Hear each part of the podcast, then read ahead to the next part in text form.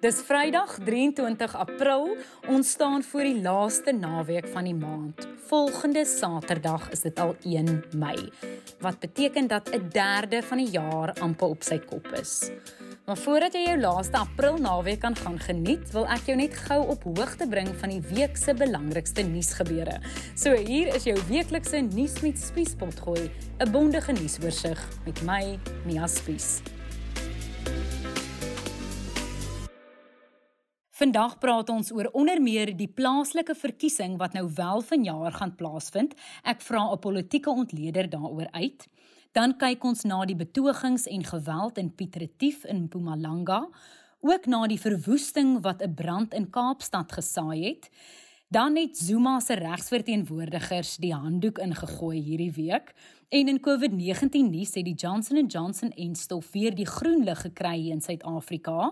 Dan eindig ons in buitelandse nuus waar 'n oud polisieman skuldig bevind is aan die moord op George Floyd. Hoofnuus hierdie week is dat die presidentsie aangekondig het dat die plaaslike verkiesing 27 Oktober sal plaasvind. Dit staan ook natuurlik bekend as die munisipale verkiesing en dit vind elke 5 jaar plaas.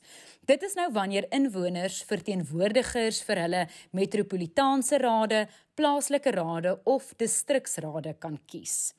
Die regering het vroeër gesê daar is dalk 'n kans dat hierdie plaaslike verkiesing uitgestel sal moet word oor die COVID-19 pandemie, maar dis nou hierdie week bevestig dat dit wel hierdie jaar gaan plaasvind op 27 Oktober. Die politieke ontleder professor Dirk Kotse sê kiesers se keuse in hierdie plaaslike verkiesing gaan hoofsaaklik baseer wees op 'n kombinasie van nasionale en plaaslike bewegings. In die eerste instansie sal dit wees watter party sal die beste wees vir die dorp of die woongebied binne 'n groter stedelike omgewing met 'n agneming ook van wat die partye se situasie in daardie spesifieke provinsie is. Die tweede oorweging is watter party het die beste kans om goeie dienste te kan lewer en beplanning kan doen vir plaaslike ontwikkeling. In die geval van wijkskandidate sal gekyk word deur die kiesers na wie kan die effektiefste funksioneer in die plaaslike konteks en nie soseer watter party te sprake is nie. Hoewel politieke partye en selfs in hierdie geval 'n rol kan wees uh, en 'n oorweging kan wees. Ander groot nuus die week was die betogings by die Piet Retief Landdroshof in die munisipale gebied Mkondo in Mpumalanga. Die oproer het plaasgevind toe 5 mans in verband met die skietdood van twee broers in hierdie hof verskyn het. Zenzele en Amos Kokka is vroeër die maand op die plaas Pampoenkraal doodgeskiet. Die borgtog aansoek van die vyf verdagtes is tot volgende week uitgestel en hulle sal tot dan in aanhouding bly. Nou na die Kaap waar 'n verwoestende brand die hoofopskrifte gehaal het. Die brand het Sondag teen die hange van Tafelberg naby die Rhodes gedenkteken uitgebreek en vinnig tot by die Universiteit van Kaapstad se hoofkampus versprei waar dit grootskaalse verwoesting gesaai het. Vyf geboue is beskadig, onder meer die ikoniese Jagger Biblioteek. Meer as 4000 studente moes ook ontruim word en in hotelle en ander akkommodasie geplaas word. Die universiteit se fisiekanselier, professor Mamoketi Pakeng, sê die omvang van die skade word tans bepaal, maar hulle prioriteit is om so vinnig as moontlik die akademiese program te hervat. It's been devastating. Uh, many of us uh, shed tears at seeing the library going up in flames. I hope you find strength in knowing this kind of support that we have received from all over the world, from our alumni, from even businesses around the country. It's been overwhelming. Our students are safe, and I hope all of you can find strength in that. We will rebuild what we have lost, we will recover, we will rise together. Die brand het weens die sterk wind vroeër die week oor Duiwelspiek na die stadskom versprei en verskeie inwoners van onder meer Vredehoek moes ontruim word. Die brand is gelukkig maandagmiddag grootliks onder bedwang gebring. Intussen is 'n 35-jarige man in hegtenis geneem. Hy word daarvan beskuldig dat hy die brand gestig het en hy het reeds in die Kaapstad se streekhof verskyn. Die saak is tot volgende week uitgestel vir borgtog inligting. Die stad se burgemeesterskomitee lid vir veiligheid, JP Smith, sê die man is in hegtenis geneem nadat inwoners hom gesien het naby een van die plekke waar die brand uitgebreek het.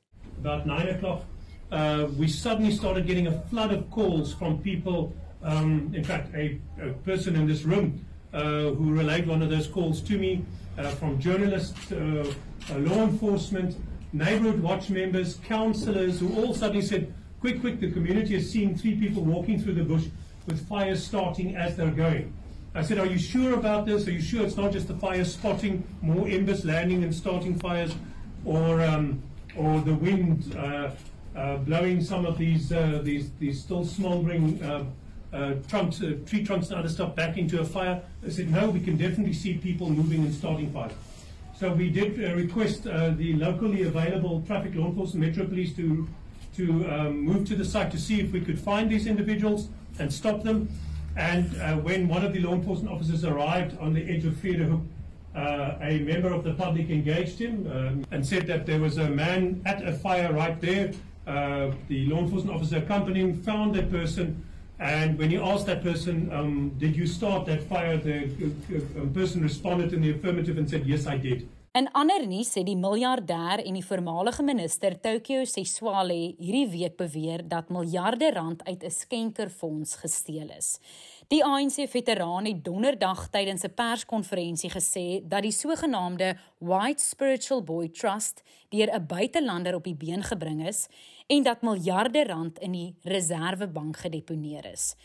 Die nasionale tesourier het hierdie beweringe ontken. Die Reserwebank het ook die beweringe ontken en die Reserwebank het in 'n verklaring gesê daar is geen rekords van so 'n skenking nie en hulle het ook Seswale gevra om geskrewe en onafhanklike bewyse voor te lê oor hierdie fonds. Ons maak gou ouer gewoonte 'n draai by oud-president Jacob Zuma se sake. Groot nuus die week is dat Zuma se prokureur, Eric Mabuza, en sy advokaat, Muzi Sikakane, hulle onttrek het as die oud-president se regsverteenwoordigers. Hulle wou nie kommentaar lewer waarom nie, maar ons weet verskeie lede van die gewese president se regspan het al oor die laaste paar jare bedank. Hierdie jongste onttrekking kom minder as 'n maand voordat Zuma in die Hooggeregshof in Pietermaritzburg moet verskyn vir die korrupsieverhoor. Nou na COVID-19 nuus, die regering het sy besluit om die Johnson & Johnson enstof tydelik te staak opgehef.